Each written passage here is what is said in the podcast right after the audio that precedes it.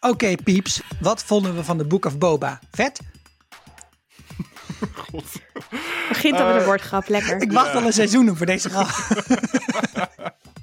Ja, oké. Ehm, vet of niet? Ik ga toch met een niet. Uiteindelijk. Onder de streep. Sorry. Nee, dit is hem niet voor mij. Dit is hem niet voor jou. En voor jou, Esther? Ik ben zeker door de laatste afleveringen totally hyped. Dus Totally ja, hyped. ik, was, eh, ik was blij. Ik ben een blij fan.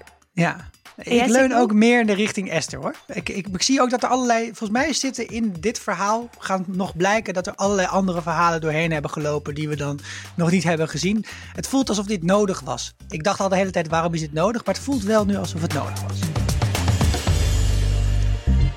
Welkom bij de Vierkante Ogen Show, de popcultuurpodcast van dag en nacht. Deze maand duiken we in The Galaxy Far Far Away. We kijken de komende weken de oorspronkelijke trilogie, maar we beginnen vandaag even met een recap van het eerste seizoen van de Book of Boba Fett. En dat doen we met Master Tom, ikzelf Padawan Sikko en de meest wijze van onze council, Esther. Bib Fortuna is dood en er is een nieuwe crime lord in town. Boba Fett en zijn partner in crime Fennec Shand willen de rust komen bewaken op Mos Espa. Ze stuiten alleen wel direct op tegenstand. Want wie probeert hen te dwarsbomen? Daar komen ze niet direct achter. Ondertussen gaan we van flashback naar flashback om te leren waar Boba Fett al die tijd heeft uitgehangen. Tussen Return of the Jedi en zijn comeback in The Mandalorian. En halverwege het seizoen switchen we naar, van Boba naar Mando, inclusief de comeback van CGI Luke, Ashoka en Baby Yoda.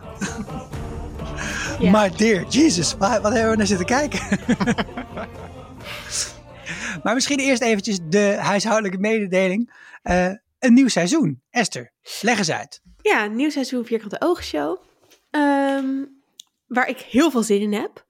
We hebben de komende tijd even wat vooruit gepland, zodat je lekker met ons mee kan gaan kijken. Ja, Ehm, we beginnen nu natuurlijk met Bo- Book of Boba Fett. We kregen al heel veel vragen waarom we daar überhaupt nog geen afleveringen over hadden gemaakt. bij deze. Ehm, en dat leek ons ook een mooi haakje om, eh, om eens te duiken in de, de oorspronkelijke trilogie. Dus eh, eh, ik heb van de week al eh eh, heerlijk ja precies. Even voor de millennials, dat zijn dus episode 4, 5 en 6. Ja, Dat zijn de oorspronkelijke, Tom. Niet dat jij denkt dat Phantom Menace de eerste was. Dat was wel voor mij de eerste die ik ooit gezien heb. Eh, ja. Ik ook. ja, ik denk voor onze generatie, ja. Ja, nee, maar Ja. we beginnen dus... eh, ik, ik sluit zeker niet uit dat we die nog gaan doen. Eh, eh, want die hebben ook een beschouwing nodig. Maar we, we gaan eigenlijk beginnen bij eh, eh, het deel waar Boba Fett voor het eerst in voorkomt. Namelijk, ik heb hem gespot Ja. in een nieuw hoop. Je moet wel een, een loepje meenemen, volgens mij. Precies, je moet goed Ja. kijken. Hij, heeft nog, hij, hij zegt niks, maar hij is er. Hij zit er. Eh, ik ga dat wel even bewaren voor die aflevering. Maar ehm, eh, eh, ja, en dan, en dan kijk ik natuurlijk de andere. Dus The Empire Strikes Back en The Return of the Jedi. Nou, dan hebben we februari Star Wars maand gehad. En dan gaan we door met HBO Max maand. Want HBO Max komt eindelijk naar Nederland. Thank god, want we kunnen al die series nu al een tijdje niet kijken... omdat HBO gewoon alles overal vana- vanaf heeft gehaald. ja, hoef je het ook niet meer te piraten, Tom. Nee, Ja, precies. Ik zat, ik zat inderdaad te denken van... Niet meer, eh, eh, eindelijk gaan kijken. Ik heb ze al lang gekeken. Oké, voor de mensen die, die eh, eh, heel braaf eh, eh, willen betalen voor alles, et cetera. Eh, en dan gaan we een aantal specials doen. Waaronder, we- gaan er ook een maken over Game of Thrones. Eh Ah. eh, luisteraars kennen... Precies, eh, het het ontstaan van de Vierkante Oogshow was ooit een fris vurig liedje, podcast over Game of Thrones. Dus we gaan, eh, eh, de band get, is getting back together. Ehm, maar we gaan nog een paar mooie series uitkiezen die je dan meteen dus op HBO kan kijken. En daarna, in april, komt eh, de nieuwe Fantastic Beasts film uit. En duiken we dus weer het Harry Potter universum in. En gaan we ook even de oude Fantastic Beasts bespreken, want dat, is ook gewoon heel leuk om te doen. Mhm. Nog een andere noot is dat je waarschijnlijk aan mijn stem hoort dat ik ehm, wel eens frisser en fruitiger heb geklonken. Ehm, dat komt omdat ik eh, een van de velen ben die geveld is eh, eh, met corona, maar gelukkig niet zo erg dat ik niet mee kan doen aan deze aflevering. Maar goed, even, dat, dat weten jullie dat, de rest Ja. van de aflevering, dat ik klink alsof ik, ehm, nou, alsof ik corona heb, wat zo is. Ja. Heb, heb je al een favoriete zeg maar, nickname voor corona, nu je het toch hebt? De Corones noemde ik De het al. Ja, De ik, ik ga ook vaak voor de Caroons. Ik, ik, heb, ik heb het wel heel vaak over Corrie, maar dat is nu met die storm die geweest is. En Oh, de ja. vergelijkenissen met de correspondent klopt dat ook niet helemaal. Oh ja, nee. Ja. Mm, mm, mm. En mensen Jammer. zeggen heel vaak de Rona, maar Rona is de naam van mijn moeder, dus dat is ook een beetje awkward. Oeh. En dan heb je ook nog Rona Keizer. Nou, het, het verhaal is weer helemaal rond. Jongens, eerste reactie op dit seizoen. Tom heeft al een, eh, kleine, eh, een klein inkijkje gegeven. Vertel eens even wat meer. Waarom is het toch een nee onder de streep? Van de Book of Eh, Fett, hè? Ja, van Niet de van Vinger Ogen. Nee. ik had Daar ben je natuurlijk heel enthousiast Vijf over. sterren. Ja. Ja, eh, nee. ehm, eigenlijk was ik gestopt met kijken. Wel met het idee Mhm. van ik moet het een keertje toch gaan kijken. Want ook met geeky dingen gaan we het er natuurlijk over hebben. Ehm, maar ik was na aflevering drie naar die tergend trage achtervolgingsscènes op de Vespaatjes. Zat ik eigenlijk zoiets van, ja, waar, ben ik in hemelsnaam aan het kijken? Wat is dit voor bagger? Eh, ik kon echt niet geloven hoe niet spannend het was. Hoe ja, eh, het, het, het boeide me ook niet zoveel wat Boba Fett deed, want ik weet niet waarom hij aan het doen was wat hij aan het doen was. Want dat kregen we dan de hele tijd een beetje mee met flashbacks, maar er was nog niet echt die connectie tussen de Boba van het verleden, de, de, de gruwelijke bounty hunter, die moet zeggen, je moet mensen niet gaan desintegreren, naar ja, de toch wel wat aardige opa die gewoon de rust in zijn dorpje wil bewaren. met zijn kunstgebit in. Ehm, nee, ja, dit is, dat, dat werkte niet voor mij. En toen had ik het erover met Esther laatst en die zei, nou, je moet toch wel wel verder Even- gaan kijken. Ja. Toch Ik was toen al bij aflevering 5. Ja, toch, toch aflevering 5 eventjes kijken. Ja, dat is natuurlijk genieten. 5 en 6 vond ik echt heel erg leuk om te zien.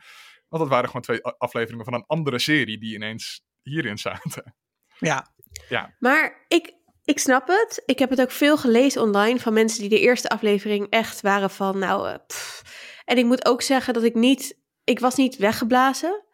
Eh, dus ik ben ook niet meteen begonnen met kijken. Was ook omdat er gewoon eh, kerstvakantie drukte en zo.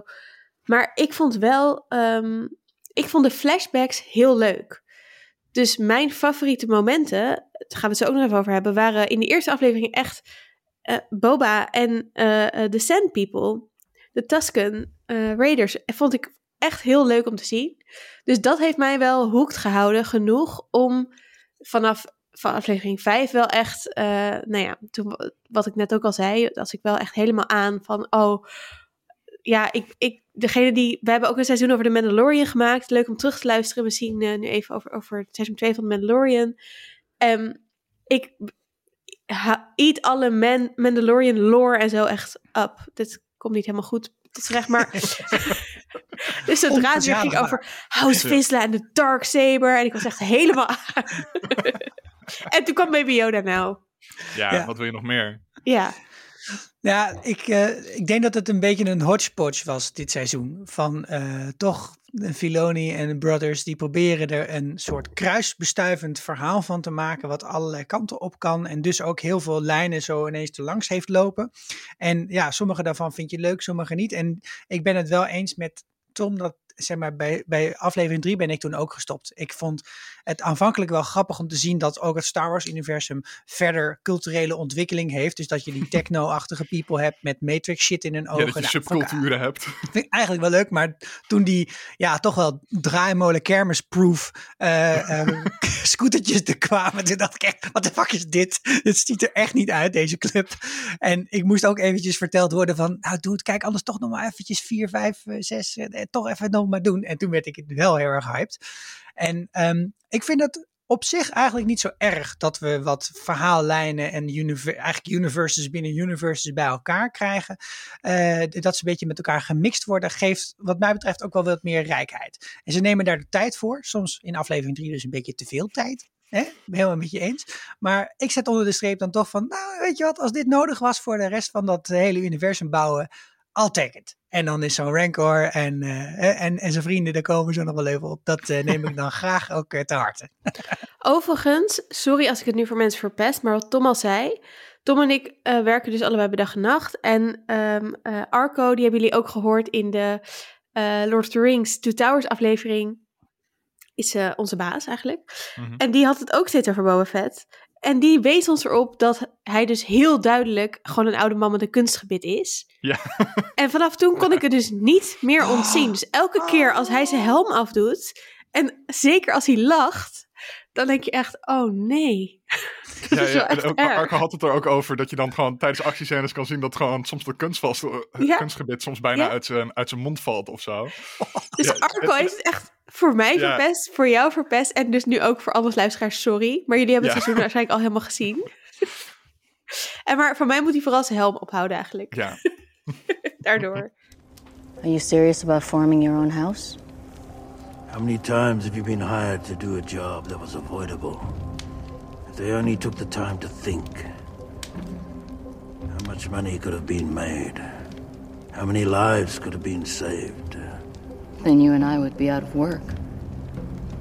I'm tired of our kind dying because of the idiocy of others. We're smarter than them. It's time we took our shot. Goed. We gaan eens even aan de hand van onze favoriete scènes door dit hele seizoen rimrauzen als een Vespa-scooter over de zandvlakte. en ik denk dat we dan inderdaad maar eens even moeten beginnen, Esther, met jouw favoriete moment. De Tusken Raiders. Ja. ja, eigenlijk is dit in het hele ehm, eh, pre-aflevering 5 eh, eh, deel mijn favoriete verhaallijn. Ehm, sowieso vond ik het he- echt heel leuk om te zien wat er met Boba is gebeurd tussen eh, ehm, ja, de laatste keer dat we hem gezien in de oorspronkelijke trilogie en nu. Ja, dat. Want ja, die, in The Mandalorian komt hij wel echt best wel out of the blue. Leeft hij nog? Is echt wel what the fuck. Dus dat, dat, het, ehm, dat we een flashback zien van hoe hij zich uit dat monster heeft gewerkt, bijvoorbeeld. En dat hij daar allemaal littekens aan over heeft gehouden. En dat zijn Beskar armor hem eigenlijk heeft beschermd. Vond ik al heel erg leuk om, om wel als soort van kennis te hebben. En ja, of die flashbacks, dat als hij dan in die Bacta-tank ligt, de beste manier waarom dat te doen, weet ik niet. Het, daardoor was ik ook, omdat ik geïnvesteerd was in die flashback, was ik ook minder geïnvesteerd in de rest van het verhaal. En vond ik Ja. eigenlijk het contrast best wel groot. Dus dat ik soort van dat verhaal extra leem vond eigenlijk met die burgemeester dan en dat mannetje die dan zo... Die vond Ja. ik trouwens wel heel vet, die gozer. Ja. Wat, die, die Twi'lek van de, bij de burgemeester. Ja, die, eh, eh, die ja. onderhandelen op Coruscant had geleerd. Ja. dat was toch wel een leuk filmpje. Je Lekker bezig, that doesn't work in the other rim, boy. Eh, maar goed, wat ik dus het leukst vond van The Sand People is, eh, denk ik, de, sowieso de opbouw ervan dat, dat eh, hij helemaal daar, daar in die clan eigenlijk komt en de kracht van community ontdekt. Hè? Want dat is volgens mij ook wat, wat we later in, de, in het, eh, wat, wat eigenlijk verklaart waarom hij nu die, d- hoe heet het ook weer, een die, eh de zoiets? Daimya inderdaad wil worden. Hij wil, net zoals die Sand People, een community hebben, mensen om te beschermen. En niet meer allemaal de, de lone wolf zijn, wat hij natuurlijk altijd was. Zeg maar de, de, de kille in zijn eentje bounty hunter. Ja. En de ontwikkeling daarvan vind ik eigenlijk best wel leuk. En, en geeft voor mij het karakter Boba Fett ook echt een nieuwe laag. En eh, dat culmineerde een beetje, kwam allemaal samen in dat hij met, die, eh, met de Sand People die heist gaat organiseren op die Pike Spice trein. Dat vond ik echt heel leuk. En Ja. gewoon lekker he- hen leren hoe ze op zo'n speeder moesten. En eh, dat hij ondertussen dat wapen ook allemaal eh, eh, goed leert, eh, leert gebruiken. En nou, ik, ja, ik vond het gewoon allemaal leuk. Echt vermaakt. Ze hebben nu wel van, eh, zeg maar, alle mogelijke western of spaghetti western tropes die er zijn, hebben ze ze nu wel allemaal ook gehad, volgens mij. Inclusief de trein. Dat Ja, je ook ja, denkt, de trein? Waarom een trein? Dit slaat helemaal nergens op. Er is niet eens een spoor. ja, we moeten gewoon een treinhuis hebben. Het was ook geen trein waarschijnlijk. Het was gewoon een spaceship. Maar het zag eruit als een trein. Nee, maar kom op. Het was gewoon een trein. Voor was een all trein. intents and purposes was dit een trein.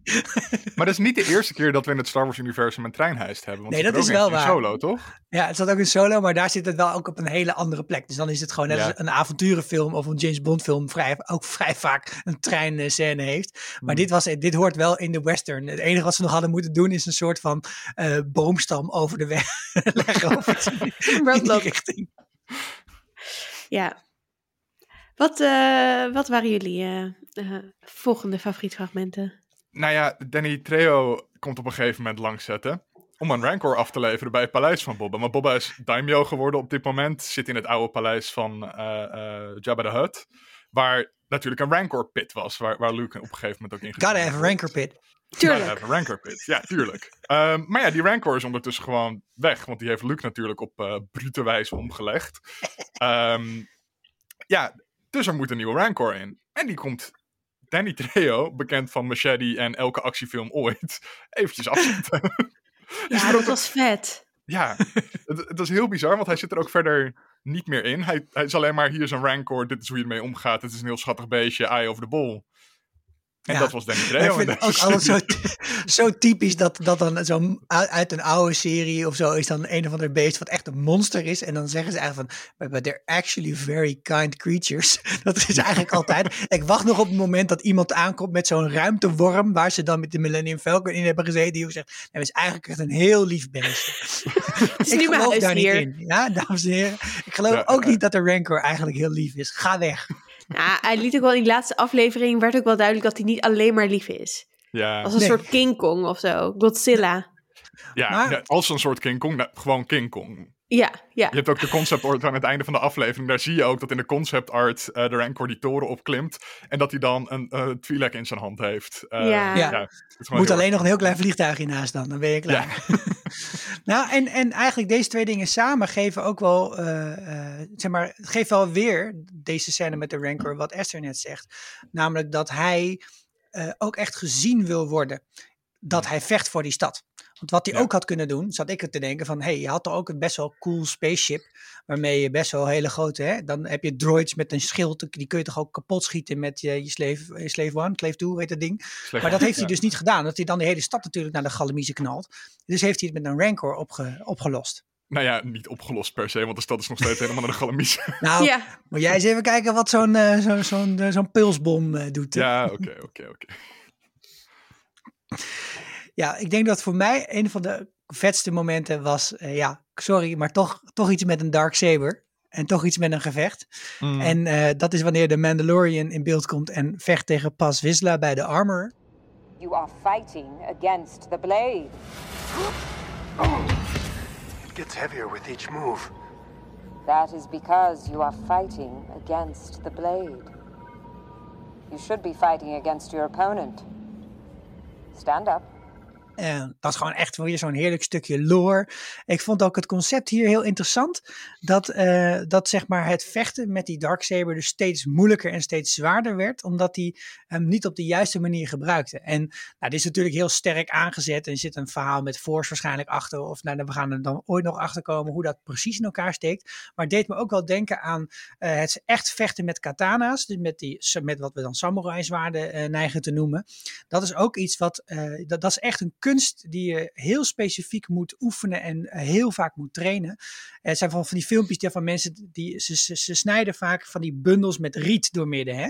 Als ze zo van, kijk, zoef. En het is een beetje het punt volgens mij dat je niet erop in moet hakken, maar er doorheen moet slaan. En dat het dan dus ook heel soepel eruit ziet. Maar je ziet dus dan mensen die met zo'n katana proberen dat te doen en die het dus verkeerd doen. En dan zie je ook echt hoe fucking loser je eruit ziet als je dat niet op de goede manier doet. En dat vind ik in deze, in deze scène en met dan, dan nieuw zo'n nieuw verhaal over die Dark Saber. Nou ja, Esther kent het waarschijnlijk al uit Rebels, maar vind ik het dan echt leuk hoe dat geïntroduceerd wordt en dat het ook echt, het voelt ook, ik, ik had het gevoel dat het ook een heel zwaar zwaard was. ik zat echt zo op de bank van, oh, het is echt tillen met je, met de hele hebben en houden. Ja, dat heb je nooit bij lightsabers. Daar, ik bedoel, het, het zit wel in de, de lightsaber. Dat ziet er juist uit als zo super chill. Chop, chop, chop, chop, chop. Ja, Ja, En Kylo echt cool Ren gedaan. in, in, in, in de sequel trilogy, de manier waarop hij vecht is wel alsof er heel veel gewicht achter dat Ja. zwaard. Het, het is heel Ja. fysiek hoe... hoe eh, Maar dat is gewoon zijn ja. eigen zwaarte die hij meebrengt. Ja, hij neemt het heel serieus. Hij heeft gewoon de verkeerde converter erin gezet. Maar eh, nou, dat is ook wel iets wat je natuurlijk over de loop van Star Wars, eh, hè, de, de decennia wel hebt gezien. En daar zullen we zeker ook op komen als we het over de originals gaan hebben. Is dat het zwaardvechten in die originals bijvoorbeeld nog best wel, best wel hard en houterig, een beetje middeleeuws oogde. Terwijl bijvoorbeeld in Star Wars Episode 1, The Phantom Menace, was het een soort van frivole dans. Alsof ze allebei met twee dwarsfluiten tegenover elkaar stonden. Eh, zo, zoveel luchtigheid zat daarin. En dit geeft dan weer een hele nieuwe dimensie aan, dat, eh, eh, aan, aan de rituelen en de krachten die erachter horen. Ik, ja, ik hou daar wel van. Maar hoe vet was ook dat moment dat aflevering 5 opent en je een soort van het silhouet ziet van een Mandalorian in dat slachthuis. En dat je kan zien, omdat hij zo'n speer heeft en zo, dat, wacht, dit is niet Boba. Het is Dingerin. Ik vond Ja. dat echt heel cool. Ja, nou, ik wist dit dus al een ja. beetje. Omdat ik, ja, ik Oh ja, had ik het wel meegekregen. Dus ik zat wel van, oké, nou, nou, hier komt die leuk. Want ik Ja, had niet zo van dat moment van, oh mijn god, het is hem. Ik had het wel. En ik zei dus al, ook die, die lore van Mandalorian. Ik, ik heb het er in, eh, toen het de Mandalorian keek over gehad. Maar ik heb dus de Clone Wars serie en de Rebel serie gekeken. En dat is een animatieserie die ook allemaal op Disney Plus staan. En die gemaakt zijn over... eh Clone Wars gaat over de tijd. eh, eigenlijk loopt het een beetje tegelijkertijd met deel 2 en 3. Ehm, dus gaat helemaal eigenlijk over het hele politieke verhaal achter de schermen van hoe die ontwikkeling nou eigenlijk gaat van eh, dat, dat zelfs de Jedi eigenlijk, nou, ik zeg het niet slecht worden, maar wel helemaal in die oorlog verwikkeld raken. Terwijl het Mhm. eigenlijk een soort neutrale groep Ja. zou moeten zijn. Dat zijn eigenlijk blauwhelmen. Ja, en hoe Anakin veel meer dan, dan je in die film ziet, hoe hij eh eh langzaamaan slecht wordt. Dat is echt he- het is heel leuk om te kijken. En Rebels gaat over eh, de eerste tijd daarna eigenlijk. Eh, dus nadat de, de, de republiek valt. Ja, Order 66. Ja, na Order 66. En, 66. en daarin komt het personage Ahsoka dus ook voor. Dus dat, dat ken je al, haar kende je al als je, als je de serie hebt gekeken. Maar de hele backstory van de Mandalorians zit ook in deze serie. En daar speelt de Darksaber dus ook al een rol in. Ehm, eh, en daar, dat verklaart ook eigenlijk nou ja, heel veel dingen die nu in dit gedeelte door de armor werden verteld. Over House Visla en waarom die, eh, ehm, die, die eigenlijk vriend van, van Dingerin zo graag die Darksaber wil. Dat eh, nou ja, geeft allemaal nog wat meer plek. Of vond ik denk ik nog vetter, omdat ik dat al wist een beetje door hoe belangrijk de Darksaber is voor House Visla. Wat een soort van Mandalorian Jedi crossover huis was. Of die, daar was één iemand, er was een Jedi en een Mandalorian. Ehm, Een Jandalorian. Precies. En eh, die Darksaber was, was oorspronkelijk van hem. Ehm, maar het gaat natuurlijk de hele tijd bij de Darksaber om... erf je die omdat je er recht op hebt... of win je hem Ja, omdat je de sterkste bent. En eh, dat hebben we eerder in, in Clone Wars al gezien... dat eh, die Sabine Wren, die we ook in de Mandalorian hebben gezien... eh, met het korte haar, weet je wel, die Mandalorian... die kreeg toen de Darksaber van iemand... En die kon hem helemaal niet goed gebruiken. En dat kwam uiteindelijk ook omdat zij, zij was wel de, het hoofd van de Mandalorians. Maar ze had hem niet overwonnen.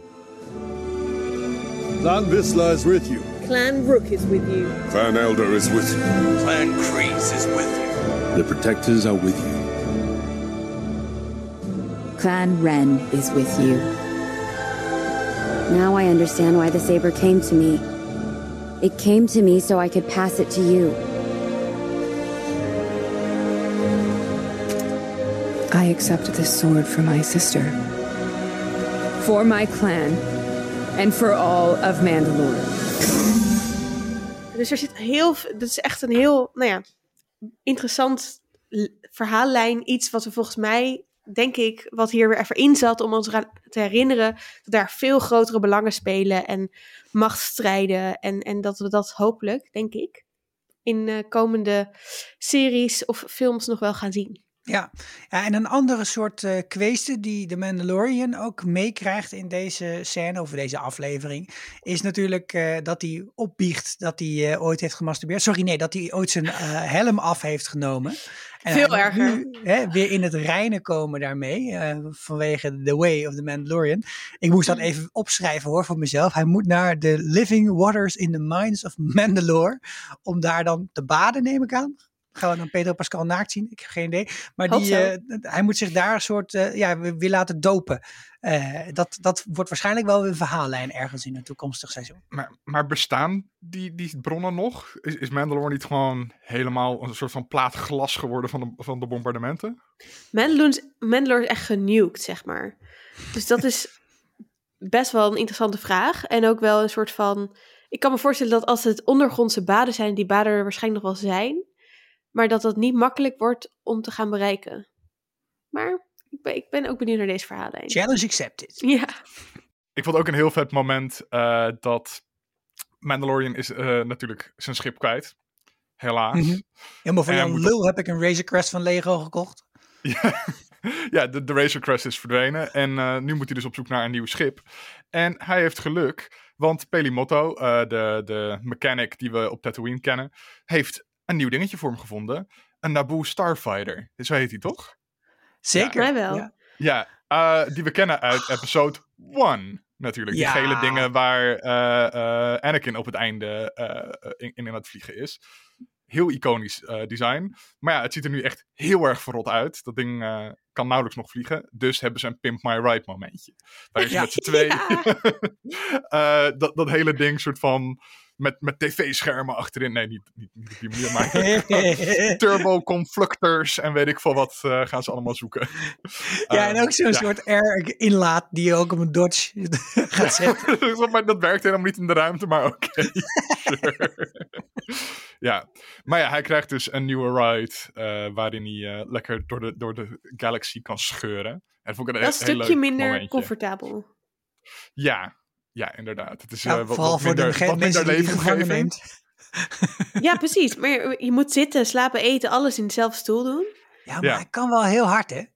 Ja, Ja, maar ja. Dus je bent er ook gewoon wel sneller. Ja, goed. Nou, als Luke naar De- Dagobah kan in een X-Wing, dan kan hij dit ook, hoor. Sorry, eh, even weinig medelijden. Even andere vraag. Wat vinden jullie van Peli eh, Motto? Heel irritant. Ja? Ja. ja. Ja, het sorry, wisselt ik bij mij het- een beetje. Ja. Ja, ik heb ook wisselende gevoelens. Ze is wel echt comic relief die het soms een beetje nodig heeft. Ja, Met haar bots. Maar ik zit, ze zit op het randje bij mij. ja, Ja. Ik, ik vind Leuk het gewoon niet hele oprechte humor of zo. Ik vind het allemaal gewoon heel erg zo met voorzetjes. En ik, ik- het, het komt niet natuurlijk over. Nee. Het is een beetje Nee, over ik de had het top. ook- Ja, ik, ik vind het heel leuk als ze dan in de shop is en met de droids om daarheen. Maar als ze dan een actiescène binnenkomt wandelen, zoals in de laatste aflevering van het seizoen. En dat ze daar dan een beetje de comic relief uit moet gaan hangen. Ja, Ja, daar kan ik niet mee. Dat vind ik niks. Zo'n tand die zo uit haar mond schiet. Zo. woe. ja. Maar En dat ze nog een, een, een, eh, een liefdeslijntje krijgt met die eh, eh, burgemeester-onderhandelaar dude. Denk Ah, je? ja. Nou, dat was wel een soort van, hey, hey, Ja. oh, oeh. Ja, ja. ja, en ze heeft ooit met eh Java's ge- gedate. We hebben wel meer info over Jawa's. Harry. Harry. Was wel leuke eh, achtergrondinfo toen ik eh, Nieuwe Hoop ging kijken hoor. Ja, Gaan we het ook nog even over zijn. hebben. Maar hadden jullie trouwens niet, toen zij zei, ik heb nog iets speciaals voor je, en dan had ze dat onder een kleed. Hè, er was wel even een momentje dat je zelf na kon denken van, wat, wat, wat zit eronder? Hadden jullie niet een, verwa- een andere verwachting als je er zo naar keek? Nee? Te Nou, specifiek? Ik dacht vooral, als hier de Millennium Falcon of whatever onder zit. Oh, ja. Zeg maar, van mij was, was het... Ik was al zo bevredigd in die aflevering eigenlijk van de, de vette dingen die terugkwamen... die ik een beetje had gemist in de eerste Boba Fett afleveringen. Dat ik het wel echt cliché had gevonden als het nog een keer iets heel groots was van... Wow, dit is het ene super vette ding, wat, maar het is hier toevallig ook weer. Dus ik vond het wel goed dat het nog soort van een mix had tussen herkenbaar en niet herkenbaar. Ja, ik vond het een goede keus, ben ik al met je eens. Ik dacht alleen heel even dat het eh Anakin's podracer was. Oh, daar heb ik ook Ja, dat dacht ik ook. Omdat Ja. hij Ik ook, precies ik motor. half nu- Ja, en toen dacht ik, ja, wat heb je daar dan aan? Maar was ook nog wel leuk geweest.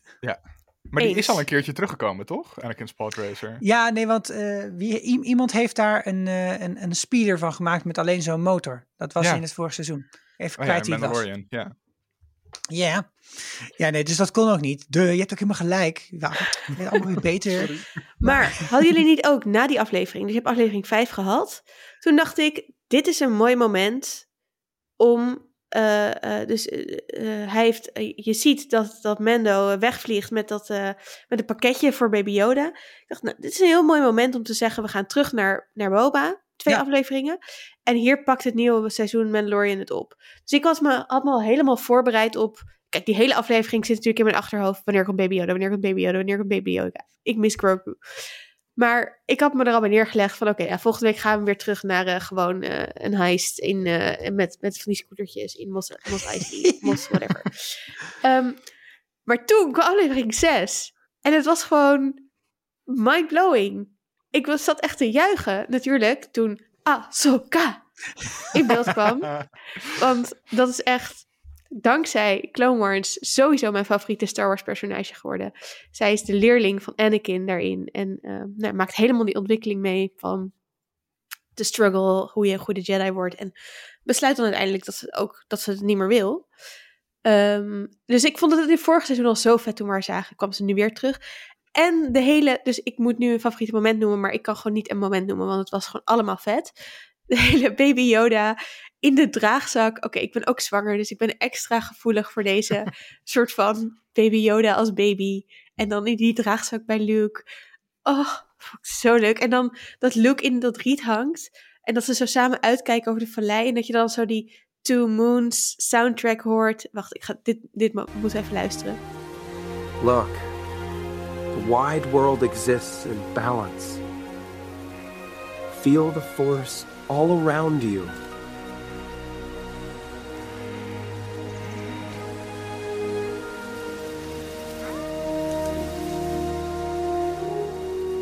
Through the force, you will find balance as well.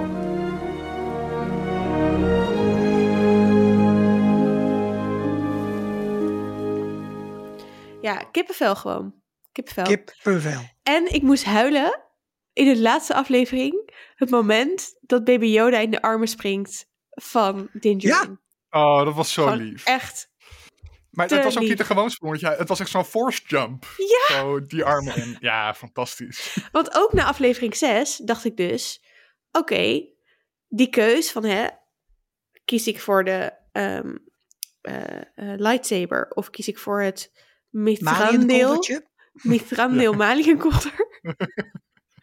Eh, dat was ook een goed moment geweest... om een nieuw seizoen Mandalorian mee af te trappen. Dus ik had er ook alweer vrede mee van... dit was gewoon alle Baby Yoda time die we hebben gekregen... en het was oké. Maar Ja. nee, er kwam gewoon meer. Wat dat betreft is dit seizoen ook wel een klein beetje een inverse Hugo de Jonge. Hè? Under promise, over deliver. Oké, ja. Hadden jullie ook dat je. Ik, ik had heel erg verwacht dat ze met dat Malian koldertje. dat ze de reveal daarvan zouden doen dat hij die aan had. Net zoals Frodo eh, in The Mines of Moria. Ja, Dus dat Oh, ja, moment dat- dat, dat hij dan neergestoken zou worden neergeschoten. En dan denk je: oh nee, oh hij is dood. En dan gaat dat jasje zo open en dan zie je dat Malian koldertje. Ik had dat heel erg verwacht. Ik was ergens Ja, ook wel blij dat ze- ze het niet gedaan hebben. het lag wel echt erg voor de hand. Ja. Ja, dat was natuurlijk een eh, pittige cliffhanger. eh, wat, eh, wat Grogu ging kiezen, which way. Eh, de andere cliffhanger was natuurlijk ook wel nadat eh, er een stand-off was geweest tussen eh Bane en Cobb Vanth. En nog een andere dude wiens naam ik vergeten ben. En die scène, die was wel echt... Co-sheriff. Ja, Ja, co-sheriff. Ja. Is trouwens, is, is Ashoka, eh, is zij ook co, eh, eh, co-master of zo? Op, eh, de Nee, want zij is dus geen Jedi. Oké, Echt bewust niet. dus zij is een eh, soort eh teacher assistant. ik- volgens mij zou ik weggegaan hierna. Was het gewoon, doeg Luke, veel plezier en Oh. succes. Ik, had, ik kreeg het eentje. idee dat ze afscheid nam van Luke. Ook in, eh, in die aflevering. ja, ik ook wel. Oké, maar terug naar de stand-off. Eh, ik vond, eh, ja, d- daar werd natuurlijk een beroep gedaan op Cop Fans van, nou, je, we hebben je toch even nodig. En het is wel in iedereen's belang dat je dat eh, toch even eh, komt. En dan, je zit dan nog te twijfelen, gaat hij gaat die take a stand, ja of nee? En dan eh, toch wel een scène eh, met een vrij dramatische uitkomst. En dat, dit is echt, ik zit de hele tijd, nou, ik zit dan te kijken naar twee seizoenen Mandalorian en nog een seizoen van dit. En ik denk dan, ik zat echt op deze, dit moment in de aflevering, zat ik echt zo, oh ja, ik begin deze mensen ook wel eh, te mogen. Ik vind het wel gezellige, leuke mensen, leuk om ze weer eens te zien. Ik begin meer te leren over kop. Maar Sikko, heb je de post-credit scene gekeken? Hij is niet dood. Heb je de In de post-credit post- scene niet gekeken? Heb je niet Nee. de post-credit scene van de laatste Hij aflevering al gekeken? lang, jongen. Ja, maar dan ga je toch kijken of er nog iets in achterkomt? Dus Boba Fett zegt aan het einde van de aflevering... eh, eh, zegt iemand tegen hem, moet je niet in de Bacta tank gaan liggen? En dan zegt hij, nee, die is al bezet. Oh, dat is waar. Oh. Ja, En ik daar dacht, ligt ik dacht dus- dat ze die Wookie daarin hadden gelegd, maar die was er Die stond Nee. naast hem. Oh, Oké, nou dat doet me goed, want ik vind hem heel leuk. Nou, daar lag dus Cop Fan in. Ik Ja. dacht dus eerst, daar ligt Bane misschien in. Hmm, Want had ik ook wel dat is- was ook best wel vet geweest. Want daar, daar is voor mij best wel een cliffhanger. Dus sowieso eventjes. Nee, wacht. Misschien ook nu vooruit op, het volgende, op ons volgende segmentje. Maar ik vond het ook heel erg vet. Ik vond het ook heel leuk dat hij er weer in zat. Eh, Timothy Elefanti. Elephant. En het hele western vibe van die stand-off. En dan die sukkel van een hulpsheriff die dan Ja. Ja, het eigenlijk gewoon opfokt. Ja, ben, je- ben je twee tegen één, dan verlies je nog. Dan ben je echt wel een klein Loser. beetje... eh, Ja, come on. Whatever Fett is paying you, we'll match. And all you've got to do is stay put and let things play out. Hey, the marshal ain't for sale. Oké, nou laten we dan maar gewoon over onze favoriete nieuwe of oude bekende personages hebben. Nou we er toch over hebben. Nou ja, Been dus. Ja, dacht kom maar ik. door. Nou, ik vond het, zijn introductie dus super, super vet. Dus hij komt aanlopen met die hoed. Helemaal Beyoncé in formation. Uh-huh, Dat is inderdaad de referentie hier. absoluut. Dat ik die gemist heb. Ja. Ehm, en eh, ehm, dan kijkt hij zo omhoog. Maar ik wil niet in herhaling vallen, natuurlijk. Maar de Clone Wars kijkers kennen hem al als echt de allerbeste bounty hunter ever, zeg maar. Eigenlijk degene die het heeft overgenomen, die rol van Boba Fett. Dus in heel veel eh, eh, eh, zou je kunnen zeggen. Ehm daar zit ik te denken, want dat is natuurlijk niet helemaal zo. Want hij zit ook al in de tijd dat Boba Fett nog een jongetje was. Ja, dat Oké. zijn over van Django Fett, toch? Ja, dat is het. Hij neemt over van Django Fett. Dus hij is echt degene die, die bijvoorbeeld allemaal aanslagen... of die soort van informatie moest verzamelen over de Jedi Order. Die wordt Mhm. ingehuurd door de Empire. Of, of in ieder geval, nou, dan nog niet Empire, maar...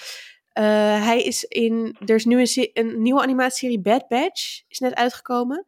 Dat gaat over de tijd na Order 66. Over een soort van clones die niet slecht worden. Dus die soort van eh, weglopen en hun eigen... Nou ja, daar zit hij ook al in. Daar komt die Fennec Shand ook al tegen. Mhm. Hij heeft ook al eerder confrontaties gehad met Boba Fett. Er is zelfs een nooit echt gemaakte aflevering, maar je, wel al getekend, waarin je ziet dat hij verantwoordelijk is voor die deuk in, het, in de helm van Boba Fett. Ah, Dus dat ze al een keer zo'n stand-off hebben gehad. Werkelijk Ehm. alles in het Star Wars-universum moet zo'n backstory hebben. Hè? Elke Ja, deuk ja, moet ja, uitgelegd ja. worden. Ja. Maar ik bedoel, ook zonder die, die achtergrond is hij super vet, toch? Ik Mhm. bedoel, komt hij cool over als een cool nee, personage. hij was maar echt... het is ook heel leuk als je altijd hem alleen maar, zeg maar geanimeerd hebt gezien, om dan zo goed het in het echt te zien. En dat je denkt, dit is gewoon hoe hij ook die hele, Ja. al die afleveringen al is geweest. Nou, en wat ik met Star Wars toch wel een- re- met enige regelmaat heb, is dat ik het eh, jammer vind. Nou, laat ik het anders aanvliegen. Kijk, er zitten gewoon allemaal aliens in. En die aliens zijn allemaal een soort van hele vreemde, fantastische monsters. En sommige zijn wat meer eh, human-like. Die hebben gewoon twee hele dikke paardenstaarten op hun bakkers. En dat, dat is het dan. Maar sommige daarvan zijn echt gewoon ja, monsters. En ook monsters met, eh, zeker in de oude Star Wars, natuurlijk heel vaak gewoon een soort masker of een pak of zo. En eh, emoties overdragen, als je in zo'n freaking pak zit, is gewoon niet heel erg makkelijk. Dus dan moet je gelijk naar de Muppet-methode van gewoon rare geluiden, grote gebaren en dat soort dingen. En eh, dat zat hier ook wel een klein beetje in, maar vooral met, met deze been, die is gewoon echt fantastisch weergegeven. Die heeft die mond, die deed me ook heel erg denken aan de Mouth of Sauron. Eh, Mhm. die Ja. Tandjes. ja, die tandjes. Ja. het is echt eng om naar te kijken, maar het is ook, je, ook al heeft hij twee van die ja, half glazige ogen, zit er toch vrij veel expressie in, eh, in dat gezicht. En op meerdere plekken zag ik hoor dat ze best wel goed hun best hadden gedaan om daar wat meer mee te doen. Want ja, anders blijft het een beetje droids en diertjes die je niet heel erg goed eh, eh, kan, van kan zien hoe ze zich voelen. En dat vond ik dus bij dit karakter, ja, daardoor is hij volgens mij ook zo interessant en zo vet. Want je kunt zo'n stand-off ook heel slecht doen en spannend maken als je geen emotie op iemands Ja. gezicht ziet en in zijn gelaat. En dat hebben ze Ja. gewoon echt knap gedaan. Dat vond ik echt leuk. Ik vond het wel jammer dat we hem eigenlijk pas aan het einde van aflevering 6 kregen, toch? Ja. Ja, Ehm, en dat, dat vond ik een gemiste kans. Want je miste eigenlijk door de, de hele serie heen. miste ik in ieder geval een soort duidelijke antagonist. Los van een soort van gezichtsloos Pike Syndicate. dat ergens achter de schermen iets aan het doen is, een beetje misschien. Ja. Eh, dat vond ik een beetje moi. Maar gewoon, als je hem er veel eerder in had gebracht. en veel, veel meer de ruimte had gegeven om sinister en gevaarlijk te zijn. had ik dat toch veel vetter geworden. Want nu is het toch, hij wordt geïntroduceerd. en een uur later in de serie is hij weer dood. ja, Nee, dat is echt een gemiste kans. Ja. vond ik ook. En ook dat hij dan aan het eind van... Ik dacht, oh, nu hebben we een nieuwe bad guy in het... Hè, we gaan het denk ik straks ook nog even over hebben over wat komt er nou hierna. Ehm, hij zou in een volgende seizoen echt een, een hele goede nou, antagonist kunnen zijn. Maar nu is hij dood. Ja, In ieder geval ja. assumed, hè? Of is hij dood? Ja, maar Precies. het, het klopt wel in de serie dat, dat Boba Fett hem dood, denk ik, omdat dit voor hem ook een soort van eh, een, een punt is achter zijn, zijn eh, bounty hunter dagen. Dat hij Ja. echt die link met zijn verleden zo op die manier afsnijdt. Ja. Ik denk dat dat wel gepast is. En ik denk dat het ook wel gepast zou zijn als, als hij nu dood zou blijven. Ja. True. Oké, nog andere favoriete personages? Ik hoorde jou al over de Huts, Tom. Ja, eh, ja die, die tweeling. Ja. Ja, ik vond die heel geinig. Ik ging ook heel erg stuk. Maar het was ook weer zo goed in beeld gebracht dat het dan op zo'n stalen plaat zo door, door van die, die dragers naar binnen getild wordt. En dat zakt helemaal door. en ze zijn extreem ranzig. Eentje gebruikt een soort van fluffy diertje als spons om zijn zweet van zich af te ja, sponsen. ja, fantastisch. Dat is zo goed. En ook hier weer zo, zo jammer dat die er dan maar één aflevering in zitten eigenlijk. Eh, want ik had daar ook echt heel graag meer van willen zien. Want ze zijn zo sinister met z'n tweetjes. Dus Ja, jij hoopt op de, de side-serie eh The Huts. De, de twins, ja. Ja, de twi- Living with the Huts. Oh ja. Ik dacht dat je bij die twins die twee eh, eh, soort van groene varkens bedoelde. Oh nee. Die op het oh, eind dat vond ik zo- zo zielig dat hij aan het einde dood De ging. Gamorreans. Die hebben het helemaal gemaakt vanaf eigenlijk een nieuw hoop zitten zij ook al in bij Jabba Ja. en weet ik veel wat. En ze leven nog steeds en dan gaan ze nu zo zullig dood eigenlijk. Ja. Ja, ik gewoon heb dat je zo nooit-. Zo, zo, Ja. nou, Ah, en dan ook dat heel, kaarde speenvarken wat je dan hoort. Het is Ja. geen Wilhelm, maar een speenhelm. Ja, dat. ja. Ah, beter Ik heb overigens niet, heel, niet echt heel erg het gevoel, gevoel gehad ooit dat het nou zulke fantastische martial arts dudes zijn. Toch? Nee. Ook hebben ze dat in dit seizoen niet echt aan mij over kunnen brengen, dat gevoel. Nee. Ik vond het heel Maar wel grappig. dat Van die, van die grote dudes met van die SM-pakjes. Oh. George. Oh, George. Zo leuk. Wat gaat er om in dat hoofd van jou? Uh, nee, waar eh, wij eigenlijk het vorige seizoen eindigden met een klein beetje een tweespalt over wat we nou vonden van Luke als deepfake. En dan wij zeg ik meer hè, als fanbase en iedereen eh, in de wereld was daar wel een soort van over aan het battelen. Eh, het, het was toch een beetje de look met de dode ogen. Ja, ja. Dat is oprecht. Ik heb het expres ook niet opgezocht. Maar ik dacht dus serieus dat ze een andere acteur hadden gevonden dan eh, Mark Hamill om dit te spelen. Nee, Ik dacht dat ik naar een acteur zat te kijken. het is nog veel vetter. Het is Het is nog namelijk, veel vetter. ja, dus er is een gast die online op Twitter, of weet ik veel wat, heeft het, ehm, eh, heeft toen na die aflevering een nieuwe deepfake gemaakt en gezegd, dit is hoe het veel mooier kan. Ik kan dit gewoon, dit is mijn werk. Waarom doe je dit niet zo? En toen heeft Disney die gast ingehuurd voor dit Oh, seizoen. vet. Om die deepfake goed. te maken. Dus ze hebben gewoon werk, hun, hun Ja. erg kritiekaster hebben ze binnengehaald. Super Ja, vet. Ja, Ja. Nou, en met succes. Met ik. resultaat, ik vond het ja. echt Ja, eh, ja. goed eruit zien. ik, ik heb echt, Of heb ik- jij ik hier ook nog iets over te zeuren, Tom? Nee, nee, nee. Ik, ik, gewoon, heb echt maar drie shotjes dat ik echt gewoon goed keek. En dat ik echt van, volgens mij kan ik het nu zien. Maar het was gewoon verrassend goed. Gewoon Ja. echt dat ik op, op sommige punten gewoon niet kon zien waar die lijn dan op de nek was. Waar zo van de nek van de acteur is en dan de, de, de CGI, het CGI gezicht begint. Soms kan je dat nog wel zien. Maar nee, nee het zag gewoon echt heel Oh, erg zo werkt het ook? Dus het is wel iemand gewoon... een- Ja, Ja, ja, ja. Ja? die speelt. Ja, Ja, en dat. Kan je, dat kan je dus soms ook wel zien dat daar iets tussen die connectie tussen het lichaam en het hoofd, dat daar dan iets niet helemaal lekker loopt. Dat zag je dus vooral in die vorige. Ehm, nee, ik vond het eh, heel erg goed gedaan. Ik vond alleen. Ga ik toch zeuren? Sorry. Is het nodig om de hele tijd een CGI zombie Luke rond te hebben lopen? Van, kunnen we hem niet gewoon laten? Oh, zo. Je zegt gewoon geen Luc. Ja, gewoon, het is niet nodig. Nou ja, daarom is het Hmm. misschien wel goed opgelost dat ze nu hebben gezegd: we doen in de Book of Boba Fett even één aflevering waar we eh, Yoda en eh, Baby Yoda en of Grogu. Oh. Hij Eh, heeft en een Luke- naam hoor. Ja, hij heeft een naam hoor. Nou, ik blijf Zijn naam is zo Baby noemen. Yoda. Well, hello, Bright Eyes. Come here. Ah, Grogu? Whoa, that's a terrible name. Sorry about that, pal. No way am I calling you that. Zij samen op avontuur, dan hebben we dat gehad. En nu kan hij in principe ook gewoon weer verdwijnen uit Ja. de toekomst van. eh, eh, kijk, Ja. we weten dat het allemaal misgaat met die school.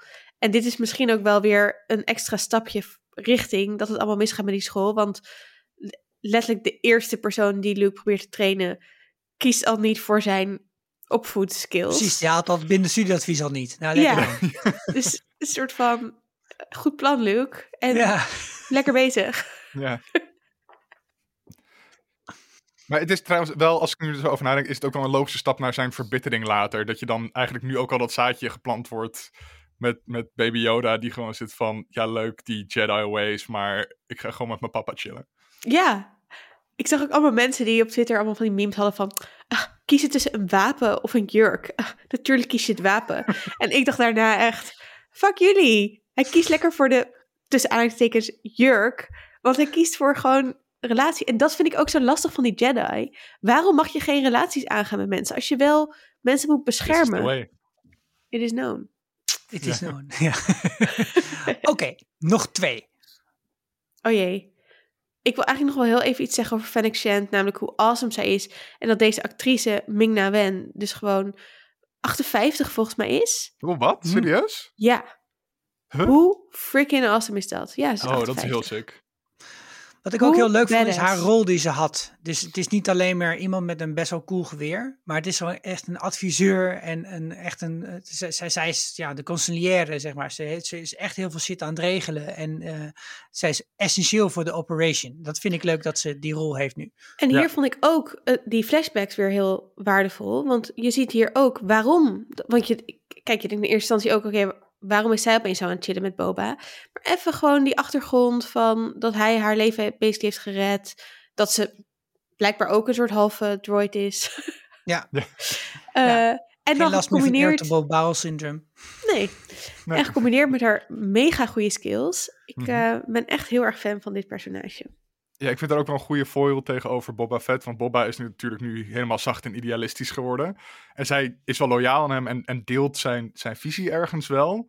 Maar ze is niet zoals Boba helemaal soort van blind geworden voor de realiteit van hoe je een crime syndicate runt. Boba Precies. denkt dat hij er wel komt op respect en, en goede gesprekken. En zij is het gewoon van, "Oké, er moet soms ook gewoon even wat koppen in staan. Pieuw, pieuw. Zeg je, Ja. zeg, zeg je nou eigenlijk dat Boba Fett alleen maar thee wil drinken, Tom? nou ja, Boba Fett is wel een beetje een theedrinker in deze De. Job Cohen van... Ja, eh, die opgaan van Tatooine. eh, Oh, ja, Oh, die kun je wel gebruiken ja. op Twitter hoor. ja, ik, ik vond het trouwens eh, eh, ook wel heel leuk dat die eh, ehm, X-Wing piloten, die we ook al in eh, The Mandalorian een paar keer voorbij hebben zien komen, die eh, de nieuwe verkeerspolitie moeten zijn in de ruimte volgens mij, maar daar eigenlijk niet zoveel van brouwen. Eh, dat, dat die ook weer eventjes langskomen om eh, Mando aan te spreken op het feit dat hij nog niet echt eh, zijn zijn nieuwe supersnelle voertuig geregistreerd heeft. Nee. En dat Mando dan op een gegeven moment gewoon wegblaast. En dat ze zitten van, nou ja, Later. zullen we dit gewoon niet melden anders? Ja, omdat ze hem ook wel kennen als hij heeft goede dingen gedaan voor ja. de Resistance. Maar hij is wel, eh, volgens mij zijn dat ook steeds cameo's van, ehm, eh, van crew of mensen die, ik weet niet meer precies hoe het zit, maar volgens mij dat zijn ook wel een soort van Easter eggs weer naar dingen. Ja, Hmm. Ja, ik zoals vind, het, alles. ik vind het heel leuk. Ja. Ik vind het ook leuk. Nee. Why must everyone bow at me? Well, it's better than shooting. Are those my only two choices? When you run the town, it is. Thank you. We are not suited for this.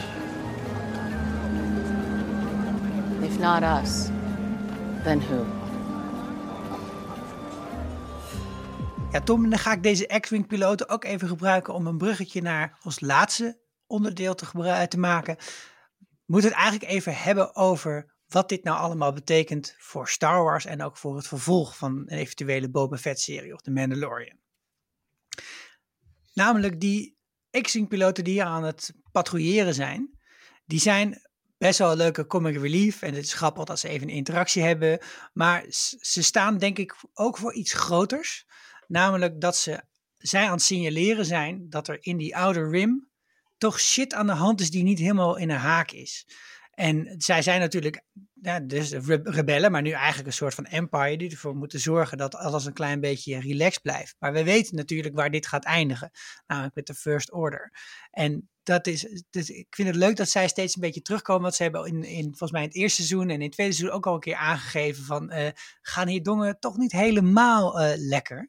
En wat ik ook interessant vind is dat bijvoorbeeld die huts ook weggaan, gewoon helemaal opgeven. Die hebben ook het gevoel, maar ik heb het gevoel dat dat het verhaal waar we naar hebben zitten kijken ook niet de enige reden is waarom die huts denken van, eh, weet je wat, eh, we peren hem. Het, het- er zit een soort donker rafelrandje aan dit hele verhaal. Voelen jullie dat ook of ben ik, eh, ben ik psychedelisch? Ik heb dat niet zo gevoeld eigenlijk. Niet over Tatooine en, en soort van de... Ik vind, het paste voor mij eigenlijk juist wel bij het... wat ik een beetje bij de Mandalorian vond. We zijn klaar met de Empire en we proberen een soort van te rebuilden. En daar past Boba Fett met zijn semi-pacifistisch... nou wil ik het zeker niet pacifistisch noemen, maar de theedrinkhouding. Hm past daar voor mij ook wel bij. Van, het is gewoon de tijd van de, de crime lords en zo is gewoon een beetje voorbij. En de Empire die was aan het feeden op alle drama en haat en moorden. En, eh, en, en dan willen we niet meer. Of het allemaal Hmm. perfect gaat, mm, moi, maar ja. Dus nee, Ja, ik, ik- ik voelde dat niet zo. Ik had ook echt wel het idee met de Huts dat zij weggingen omdat de Pike Syndicate erin kwam. Want die zouden veel sterker moeten zijn dan de Huts of zo. Dat hebben we verder niet gezien natuurlijk. Maar Ja. ik dacht dat dat, dat dat in het verhaal de reden was. Maar als, ja, dat in het verhaal wel, maar nou, die Pike Syndicate is nu dus ook weer uitgeschakeld. Ja. Dus is dat niet een reden voor de huts om dan toch weer een poging te doen? Of hè, dat er ontstaat de hele tijd disbalans in dit systeem. Het lijkt erop dat we een eh, theedrinkende burgemeester hebben gekregen. Maar wat er, ander, wat er onder het oppervlak allemaal gebeurt, volgens mij is dat geen zuivere koffie. Dat gaat gewoon op een gegeven moment mis. Ja, ik moet natuurlijk ook de hele tijd aan June denken, waar dit allemaal op gebaseerd is. Mhm. Laten we natuurlijk Hey. even credits bij, bij June, de June C van Tatooine met de Spice en weet ik veel wat.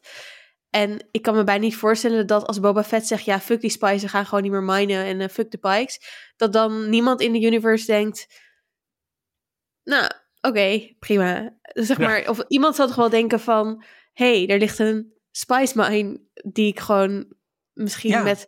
Kijk, we hebben nu ook geen legers gezien van buitenaf. Het was allemaal interne strijd op Tatooine. Maar ja, er kan er gewoon prima iemand komen met een paar blasters die iets richting... eh, eh, ze kunnen heel uh, Mos Esla kunnen ze in één keer eh, eh, natuurlijk van buitenaf kapot knallen vanuit, Ik bedoel, vanuit de Boba heeft natuurlijk ook gewoon maar een soldaat of twintig tot zijn beschikking. Ik bedoel, het is Precies. niet een hele grote leger. Ja, maar het slaat natuurlijk nergens op dat als dit zo zou zijn van... hé, hey, nu is het voor altijd over met die spice trade... waar je miljarden mee kan verdienen, basically. Ja. In ieder geval, dat lijkt me een tikje naïef. Ja. Dus, maar ik vraag me wel af... gaan we hier nog... De, laat ik zo zeggen, ik denk eigenlijk niet dat er een The Book of Boba Fett 2 en 3 en 4 gaan komen. Ik denk zelf eerder dat, dat die Tatooine, Spice, whatever verhaallijn gewoon een soort van leuk was voor nu. Maar dat het uiteindelijk een poging was, dit, dit hele seizoen of de- deze serie, echt een soort tussen, een soort intermezzo was in de opbouw van de grotere. Eh, hè, we krijgen straks Ahsoka, we krijgen denk ik een nieuw seizoen The Mandalorian. Ehm, om, om, Rangers of om the New echt- Republic. ja, ja, dat is nog een beetje onduidelijk of dat, of dat nou wel of niet. Volgens mij ligt het weer even een beetje stil of zo. Soort Brooklyn Nine-Nine, toch? Ja, maar ik denk dat Vanth daar natuurlijk eh, eh, nu een hele goede kandidaat voor is. Dat ze hem daarom eh, nog willen blijven houden. Want eigenlijk zou volgens mij daar Cara Dune een hele grote rol in spelen. Hoe heet die precies. actrice ook alweer. Die is nu natuurlijk, omdat ze een beetje van het Mhm. padje af is gegaan, de baan kwijt bij Disney. Dus iemand anders moet die car gaan trekken. En ik denk dan dat Oeh. Vanth daar een hele goede kandidaat voor is natuurlijk. Nice. Ja, nou ja, Dave Filoni is de maker van Clone, van Clone Wars en Rebels. Dus die heeft die hele Ahsoka-verhaal... en dat, de achtergrond van de Mandalorians heeft hij allemaal bedacht. Ehm, dus eigenlijk denk ik dat ze gewoon even wat dingen wilden... wat mensen op andere plekken wilden zetten dan aan het eind van de Mandalorian. Daar de Book of Boba Fett uiteindelijk voor hebben gebruikt. Ja. Zodat we straks een... Ik zelf zie ik eh, s- zelfs voor me dat we misschien eh, in een, een nieuwe filmreeks zouden kunnen gaan krijgen. Waarin het gaat om de- het terugwinnen van de planeet Mandalore. over de verschillende facties die je hebt binnen de Mandalorians. Want die Creed, van, waar, waar Mando eigenlijk van is, is eigenlijk een soort van de terroristische organisatie bijna. Mhm. Echt de, de, de extremisten Mandalorians. Dus er, er zijn ook allemaal Mandalorians eigenlijk die heel anders denken over hoe, hoe dat wel niet werkt. En met je helm wel of niet afzet en dat soort dingen. Dan heb je nog het hele verhaal van Ahsoka. Wat vervolgt eigenlijk op de serie Rebels. Waarin zij op zoek is naar Admiral, Grand Admiral Thrawn. De grote bad guy uit Rebels. Eh, eh, met een soort force-sensitive jongen ook. Die hebben we voor het laatst gezien. Dus daar zal die serie Ahsoka wel over gaan. Maar dat zou ook kunnen, ergens kunnen eindigen. Wat dan in een soort van allemaal samenkomt. Ik zou me niet verbazen als er over drie jaar of zo een hele vette film uitkomt. Waar al deze mensen, dus Boba, Ahsoka, eh, mensen die, nog wat mensen uit Rebels die ze in die series gaan proppen. Baby Yoda die zich misschien heeft ontwikkeld tot een soort Mando, die misschien wel een Jedi eh, Mandalorian crossover wordt. Want daar vind ik het ook een beetje nu op, op, op lijken. Baby Yoda met de Darksaber. Misschien is hij wel degene die de Darksaber moet gaan yielden. What? Ehm, is het trouwens een hij of is het een hen of is het een zij? Weten we dit? Volgens mij zegt ze de hele tijd hij de Oh ja. Ik vind eigenlijk meer een hen. Ja. Zou ik ook wel leuk vinden. Ja. Gewoon voor de. Maar goed. En, eh, nou, ik kijk er wel naar uit. Naar deze. Ja, ik ook. Ik, ik, zou, eh, ik zou niet denken dat het een film is, maar ik zou verwachten dat een soort van, weet je nog met de eh, Marvel eh, Netflix universe, universe? Dat je eerst Mhm. allemaal series, allemaal van één of twee, drie seizoenen. En dat kwam allemaal samen in een miniserie van vier afleveringen, eh The Defenders. Oh ja. Ja. Ik, ik, ik verwacht eerder dat ze dat gaan doen, om het allemaal een soort van op, op het kleine scherm te houden. Nou, eigenlijk vind ik het zonde dat ze dit niet hebben gedaan bij de eerdere films. Zeg maar, waarom, als je al deze vette verhaallijnen hebt, en het is echt een beetje redemption voor mij bij, van Star Wars van, eh, ik weet niet, deel, wat is het? Zeven tot negen. tot negen. Ja. Ik weet niet hoe jullie dit voel, voor, of dit ook zo voor jullie voelt, maar ik vind dit eigenlijk veel interessanter en vetter dan. Ja, eh, ik denk gewoon heel veel van als je al die verhaallijnen toch laat liggen, waarom ben je dan iets totaal buggers gaan verzinnen om dan nog drie, eh, een trilogie mee te maken? Dan had Adam Driver ook best in een andere film kunnen spelen als iemand anders. Dus helemaal nergens voor nodig om het zo op te lossen. Ja, omdat daar dan Ja. toch wel het grote Jedi-verhaal weer in verteld wordt. En dat doen Ja. deze series natuurlijk niet. Eh, ik bedoel, eh, in, in de main True. films gaat het om de Jedi en de grote machtsstrijd om het universum. En juist wat ik wel fijn vind aan alle series nu, is dat het, het gaat niet over het lot van het universum. Het is allemaal Ja. klein en, en overzichtelijk. Soms een Dat beetje te klein, zoals we in deze serie zagen. Want inderdaad, de legers van twintig man die tegen elkaar vechten, dat slaat natuurlijk helemaal verschrikkelijke nergens op. scootertjes, Verschrikkelijke scootertjes, ja. Ehm, dieptepunt. maar, maar ik vind maar je wel, mag ook eh, fouten deze, de- deze approach van verhalen vertellen dat we niet meer ehm, eh, intergalactische rijken hebben, maar het gaat om een stad ergens op een planeet waar verder niemand zoveel om geeft. Ja, dat vind ik wel tof. Ja. Ja, en eigenlijk is de volgende serie die er aankomt, gaat wel weer over de Jedi. Hmm. Namelijk Obi-Wan. Eh, Het gaat wel weer over dezelfde, dezelfde bak zand. eh. Ja, gaat ook weer over Tatooine, maar we gaan Ja. terug in de tijd. Dus ik snap ook wel... Ik zat eigenlijk heel erg te wachten op een post-credit scene. Daarom ging ik het ook extra checken. Die daar iets over aankondigen. We kregen ook gisteren de release datum. ehm, Mhm. eh, Ergens in mei. 25 mei. dames en 25 mei. Dat is dus echt 45 jaar op de dag na de release van Star Wars 1. Het is dus echt vijf dagen na mijn uitgerekende datum. Mhm. Zeven dagen. Dus dit, ik, ik vrees niet dat ik hierover kan podcasten Oh. met jullie. Al hoe jammer ik het ook vind. Maar goed, ik kan wel met eh, helemaal sleep deprived van eh babyvoeden en zo eh, dit lekker kijken. Maar we ga- het is wel een soort van... We, we zullen niet verder gaan met dit verhaal. Ik bedoel, we gaan echt heel erg terug in de tijd. Ja. En het Ja. gaat inderdaad weer draaien om Jedi en... en, en Ja, de- dus dit, de dit was oude thema's. toch een soort potpourri, collage, een quilt met verschillende vakjes, waarin allerlei verhalen die, hè, van lijnen die nog uitgezet gaan worden samenkwamen. Ik vind dat die quilt een donker randje heeft. Jullie eh, zien alleen maar eh, hè, roze bloemetjes langs de zijlijn. Prima, ook goed. Dan zien jullie het toch gewoon lekker niet. Word wakker, mensen! En, en we hebben volgens mij een heel mooi en gezellig seizoen achter de rug. En we kijken uit naar dus volgende week al Star Wars, een nieuw hoop. Yes. Dus als je vandaag luistert, ga alvast lekker kijken, zodat je volgende week direct mee kan luisteren, want ook dat zal met spoilers zijn. En daarna pakken we door met Tauntauns, we pakken door met Hey, Jabba the Hutt, eh, episode 5 en 6. Het wordt super gezellig deze maand bij de Vierkante Ogen Show als het gaat over Star Wars. Hou dus onze socials in de gaten de aankomende tijd. Eh, deel je favoriete all-time vragen, opmerkingen en inzichten over Star Wars met eh, ons op het platform vriendvandeshow.nl slash vierkante ogen. Laat ik vooral een audiobericht achter zou ik zeggen. Ja, leuk. Ja, over Star Wars kan je natuurlijk ook honderdduizend vragen stellen en, en suggesties en dingen die wij nog even moeten checken of easter eggs die jij hebt gespot. Laat het allemaal weten, dan kunnen wij in de aflevering weer delen. Ja. Ehm, misschien ook nog goed om te noemen dat we vanaf volgende week dus altijd op donderdag gaan uitkomen. Tenzij COVID. Tenzij we door COVID, zoals vandaag, een of andere stomme omstandigheid toch wat op een ander moment moeten doen. Maar het doel is er. Eh, dus dan kan je dat ook gewoon lekker in je agenda zetten. Dat je donderdag eh, naar onze Nieuw Hoop aflevering kan luisteren. Ik heb er echt zo fucking veel zin in. Ik ook. Tom, leuk dat je er was. Het was Ja, gezellig leuk dat ik er vandaag. En tot volgende week donderdag.